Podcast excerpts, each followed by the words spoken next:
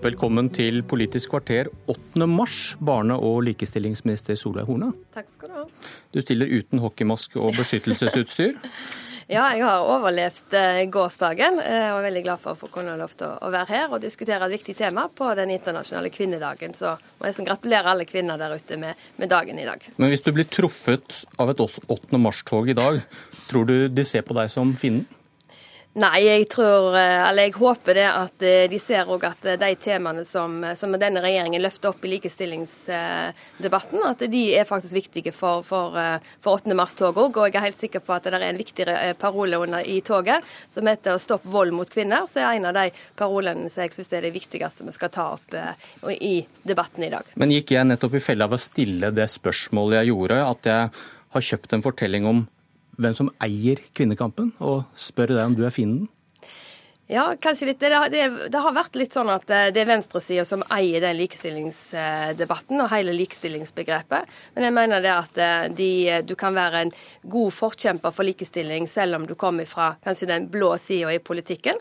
Og jeg mener at det er mange tema som, som er viktig i likestillingsdebatten, som vi òg fremhever med den borgerlige regjeringen. Og det tror jeg er viktig at ingen skal få lov til å eie dette, for i sammen og Det tror jeg vi skal kanskje huske litt fra 70-tallet, når kvinner fra alle sosiale lag og alle partier sto sammen om de viktigste utfordringene vi har på, når, det, når det gjelder likestilling. For å minne om det at det var din finansminister Siv Jensen som poserte med hockeyutstyr før budsjettkonferansen i går. Hun fryktet angrep fra desperate statsråder på pengejakt. Du har fått fri noen timer i dag. Eh, Siv Jensen kommer ikke til å arrangere en 8. mai-tog på Hurdalssjøen, men skal du bryte tradisjonen med å gå i tog for første gang i år? Nei, jeg pleier ikke å gå i tog. Jeg har andre måter å markere viktige likestillingskamper på enn å gå i tog. Men eh, hvis det er noen som ønsker å gå i tog, så står de fritt til det. Og jeg håper det at eh, det blir en fin tur og marsj for de som, som skal gå i tog i dag. Men bør kvinnedagen avskaffes? Trenger vi den? Kvinnedagen er en, eh, en internasjonal kvinnedagen er viktig. og Når vi ser på de utfordringene vi har internasjonalt, så tror jeg at det er viktig at vi feirer denne dagen her og markerer den dagen. Og Den blir markert på forskjellige vis rundt omkring i verden.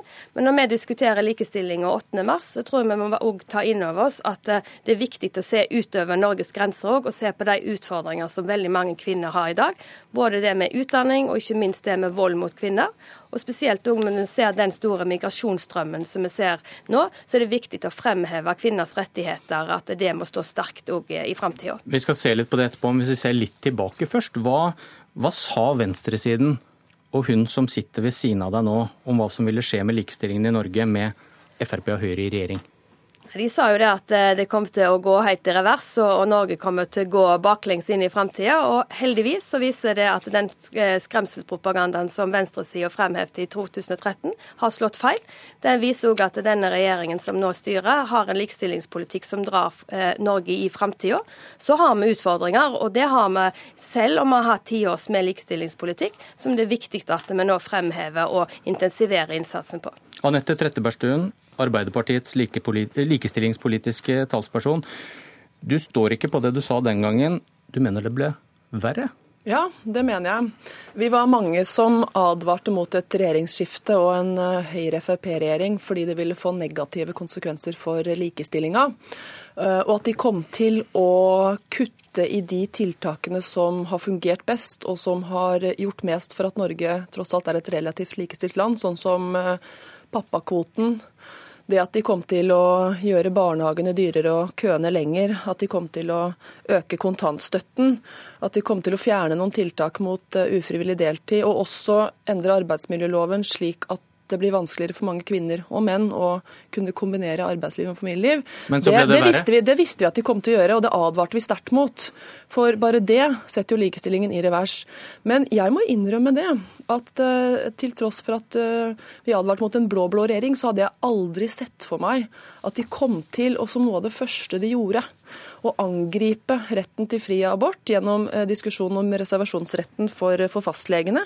Og jeg hadde heller ikke sett for meg at, at til og med en blå-blå regjering kom til å foreslå å fjerne likestillingsloven og fjerne et av de viktigste redskapene vi har hatt for å skape mer likestilling i arbeidslivet og, og sånn sett i, i samfunnet i sin helhet. Altså aktivitets- og redegjørelsesplikten for bedriftene. Men det gjør altså denne regjeringen. I tillegg så har de fjerna det høres litt kjedelig og byråkratisk ut, men noe som heter utredningsinstruksen for departementene, som tidligere har gjort at alle forslag som fremmes til Stortinget og alt det regjeringen gjør, det må man eh, se hvordan har effekt på på likestillingen.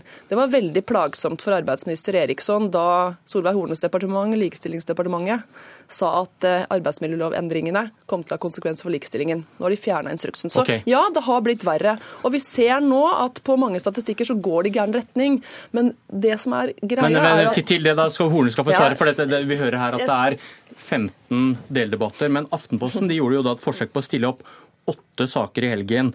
og hva syns du det viste, Horne? Den viste at den skremselspropagandaen og de tingene som Trettebergstuen her tar opp, at det faktisk ikke har eh, slått til. Hva vil du trekke den, fram da? Nei, Spesielt så vil jeg trekke fram både det med arbeidslivet, det med at det er kven, flere kvinner i, i, både ledende stillinger. Det ser òg det at kontantstøtten, som den forrige regjeringen sjøl øker, ikke har slått til at det er faktisk færre som tar ut eh, kontantstøtte. Og så har jeg lyst til å understreke at denne regjeringen satser virkelig på barnehager. Vi har bygd flere barnehageplasser. Vi har har fått opp kvaliteten i barnehagene. Og så er det veldig viktig at vi ikke bare fokuserer på flere strukturer og mer byråkrati når vi snakker om de tingene som er viktige for oss å dra likestillingen videre. Og likestilling i Norge og den utfordringen og den kampen vi står i, den handler om mer enn fedrekvote og kontantstøtte. Den handler om utdanningsvalg til jenter og gutter. Det handler om delte, det kjønnsdelte arbeidsmarkedet. Det handler om den, den, at kvinner blir utsatt for vold i nære relasjoner. Og så en viktig ting til det er altså kvinner og kvinnehelse. Det at regjeringen har løfta fram at vi er nødt til å ha mer forskning på kvinnesykdommer, det at helse og kvinnesykdommer faktisk også er en stor utfordring når det gjelder likestilling, det mener jeg det, at det er viktig at vi også har fokus på. Aftenposten har bevist at dere tok feil, sier Horne. Nei, det er ikke riktig, for vi ser at mye av det Men Aftenposten lyger da, i denne fremstillingen Nei, men, som de har gjort? Men, men hvis du hører på meg, så skal jeg forklare eh, hvorfor jeg mener det.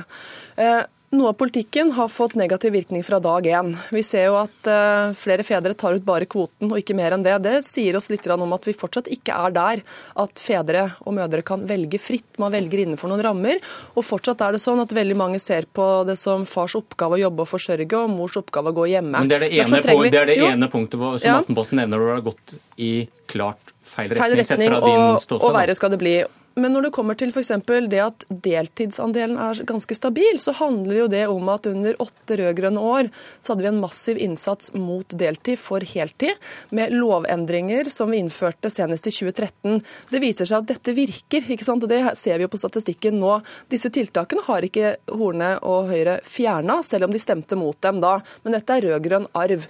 Så er det jo også slik at man må se på hva foreslo vi da vi satt i regjering, og hvordan hadde situasjonen vært med oss mot for hva det er med denne regjeringen. De kutta nesten 7000 barnehageplasser, køene har blitt lengre og prisene har blitt dyrere for de fleste. Det at, kontantstøtten, det at kontantstøtten ikke tas ut i så stor grad som regjeringen ville, det viser bare at regjeringens politikk er feilslått. Den er gammeldags, og folk vil ikke ha kontantstøtte, folk vil ha barnehager. Men det er integreringshemmende okay. og likestillingsfiendtlig. Dere står bare på rød-grønne skuldre, f.eks. når det gjelder deltid. Da. Kan, vil du ta æren for uh for tallene der som viser at det ikke blir så mange flere kvinner i deltid? Jeg tror at vi sammen skal ta veldig mye av æren for det, men òg vise det at de tallene vi har i dag, viser at den, den skremselspropagandaen som var i, fra de rød-grønne, ikke har slått til. At vi faktisk har fått en nedgang i de som, som jobber ufrivillig eh, deltid, og at vi er på rett vei. Og at regjeringen styrer på de, akkurat de veldig mange av de samme virkemidlene som den forrige regjeringen har lagt på. Så jeg har lyst til bare sånn helt Nei, vent, kort vent, med den... Jeg vil, spørre deg, ja, men jeg vil spørre deg, Horne, om eh, noe som sto i Dagbladet i dag at Venstre de har nå sett på kuttet i antall pappapermuker, eh, fedrekvoten, og sagt at dette liker vi ikke. Dette vil vi ta en omkamp på. Ja, nå forholder jeg meg til den avtalen som eh, de fire borgerlige partiene har, og det er den jeg, det jeg styrer på, pluss regjeringsplattformen. Så kan det være helt sikkert mange ting i den avtalen at partiene har lyst til å, å ta opp til reforhandle, men nå forholder jeg meg til den avtalen. men du ser, si... du ser ikke at tallene på fedrekvoten at det er færre pappaer som tar ut pappaperm, at det gjør noe med ditt syn på det? De tallene som vi har fått for 2015, er under tre ordninger. Det er under to ordninger som den forrige regjeringen har, og det er det der, den kuttet på fire uker som, som, vi har, hadde i 2014. Så jeg har lyst til å understreke at foreldrepengeordningen den er også til for barna. Med dagens ordning på ti uker til mor og far, og en økt andel av fellesandel, så har altså flere barn fått lov til å være hjemme med foreldrene sine. Og så har jeg lyst til å understreke også at disse tallene som vi fikk nå, de viser at det er flere fedre som tar mer enn 14 uker. Og jeg har lyst til å utfordre arbeidsgiverorganisasjonene på hva er det de kan være med å bidra til at flere menn tar ut mer enn de ti ukene som de har okay. nå. Kort i dette, ja, det er mange som må bidra til økt likestilling i Norge. Men eh, det vi kan diskutere her som politikere, er hva vi gjør når vi har sjansen. Og du kan ikke snakke deg bort fra hornet at når dere sitter i regjering nå, så kutter dere de tiltakene som har funka best, som har skapt mest likestilling. Og jeg syns du bare kan innrømme at ja, vi ser at færre fedre tar ut pappaperm, for det blir vanskeligere når de ikke har rettigheter å slå i bordet med. Bare innrøm det.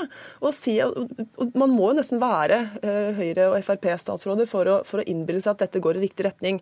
Til og med Nav sier at dette kommer til å gå i feil retning. Så tror jeg at vi på mange andre statistikker kommer til å se større utslag senere. Så er det jo slik at selv om de ikke har fjerna mange av de tiltakene vi innførte mot deltid, så har de kutta i de tiltakene som man lokalt okay. hadde hvert eneste år, som har ført til mange gode løsninger og skapt økt heltidskultur. Men, men til, til dommedagsprofetiene som ble verre, som du sier. Du nevner ja. kampen om legenes rett til å reservere seg mot å henvise til abort som noe av det verste. Men det var jo Kristelig Folkeparti sin sak. Partiet som dere på innpust og utpust sier dere vil samarbeide med og gi makt. Og det må vel bety at KrF har ikke så mye å hente hos Arbeiderpartiet da. Dere ville ikke gjort som Høyre og Frp har stilt seg lojalt på siden med KrF og kjempet den saken. Jeg opplever at uh, i den daglige politikken så står Arbeiderpartiet og KrF sammen om svært uh, mange likestillingstiltak. Men på dette feltet, kontantstøtte og reservasjonsrett, er vel to saker Nei, som viser at de kanskje hører hjemme sammen med Solveig Horne og ikke med deg? Akkurat i de to sakene. Vi vil aldri gå inn for reservasjonsrett for fastlegene. Det er helt uaktuelt for Arbeiderpartiet, og vi er også imot kontantstøtten. Men jeg opplever at i resten av likestillingspolitikken så er det interessant nå å se at opposisjonen og KrF og Venstre står sammen mot Høyre og, og Frp. Og Solveig Horne har jo da ikke bare kutta i de tiltakene som beviselig har fungert best, men også klart det kunststykket å legge fram en stortingsmelding om likestillingsutfordringer som ikke inneholder et eneste tiltak som vil føre likestillingen videre. Det syns jeg er helt utrolig. Men, eh, Arbeiderpartiet vil videre, og vi foreslår i dag 50 tiltak for økt likestilling i Norge. Det du begynte med, Solveig Horne, i, i fjor så gikk du og Sylvi Listhaug ut og anklaget kvinnebevegelsen for å være egoistiske. For hvor var parolene mot tvangsekteskap og kjønnslemlestelse? Hvordan, hvordan mener du asyltilstrømningen og alle som skal forbli i Norge i årene som kommer, bør påvirke likestillingskampen? Jeg står med det samme som jeg sa i fjor. Eh, altså Tvangsekteskap, sterk sosial kontroll eh, er faktisk en av de største likestillingsutfordringene vi har i dag òg. Både her i Norge, men òg internasjonalt. Jeg skal til New York neste uke, og et av mine hovedinnlegg i, på, i FN der, det er å fremheve hvor viktig kvinners rettigheter og hvor, for eh, det kampen mot eh, tvangsekteskap og sterk kontroll. Og Når vi ser den migrasjonstilstrømningen som vi har nå, så jeg tror jeg det er veldig viktig og i framtida òg å fremheve den sterke rettigheten rettigheten som kvinner har i Norge. Det med verdiene som vi har, at det er å få seg en utdanning, få seg arbeid, eh, er en del av det å være selvforsørgende, og som kommer til å bli viktig i den likestillingskampen som vi står overfor nå. Du mener dette er en hersketeknikk? Trettebergstuen anklager kvinnebevegelsen for å være egoistiske? Jeg mener det, for Solveig Horne og regjeringen bruker det som en, et påskudd til å ikke gjøre noe i den brede likestillingspolitikken. Men jeg er veldig opptatt av at den norske likestillingsdebatten handler for mye om glasstaket i næringslivet, og for lite om de glassveggene som mange unge jenter opplever å ha rundt seg, og ikke får delta på fellesskapsarenaene hver eneste dag. Eh, tvangsekteskap og vold det er forbudt i lov, og det er lett å gjøre noe med. Man kan slå ned på det. men Holdninger endres eh, over lengre tid, og det krever et langsiktig, møysommelig arbeid hver dag. Og jeg, jeg er jo opptatt av at hvis regjeringen faktisk mener at de er opptatt av å gjøre noe med problemet, og ikke bare løfte det på 8. mars, ja, så er det å kutte i norskopplæring, det å, å ha høyere barnehagepriser og lengre køer, og økt kontantstøtte og, fjern, og, fjerning av likestillingsloven en svært, svært dårlig idé for å integrere og likestille innvandrere. Jeg tror ikke vi skal krangle om hvem det som har mest hersketeknikk her, for det blir litt, nesten litt sånn komisk å sitte og høre på Trettebergstuen her. for det at når du snakker om tvangsekteskap og, eh, og, og vold, at det er kriminelt, men det er faktisk en av de største utfordringene Absolutt. vi har på likestillingsutfordringen. Og hvis ikke vi kan stå sammen med dette, så mener jeg at da har vi, da har vi spilt fallitt. For dette er en viktig kamp. Vår tid renner ut. Jeg glemte å spørre hvordan gikk det med møtet med finansminister Siv Jensen på budsjettkonferansen? Det gikk veldig bra, og så skal vi Fikk fortsette Fikk du pengene du ville ha? Nei, det vet jeg ikke ennå. Det får vi se. Det blir eh, en tøft eh, arbeid å få på plass et budsjett, og det er usikre tider. og Derfor er vi klar over alle statsråder. Takk for at dere kom til Politisk kvarter på 8. mars.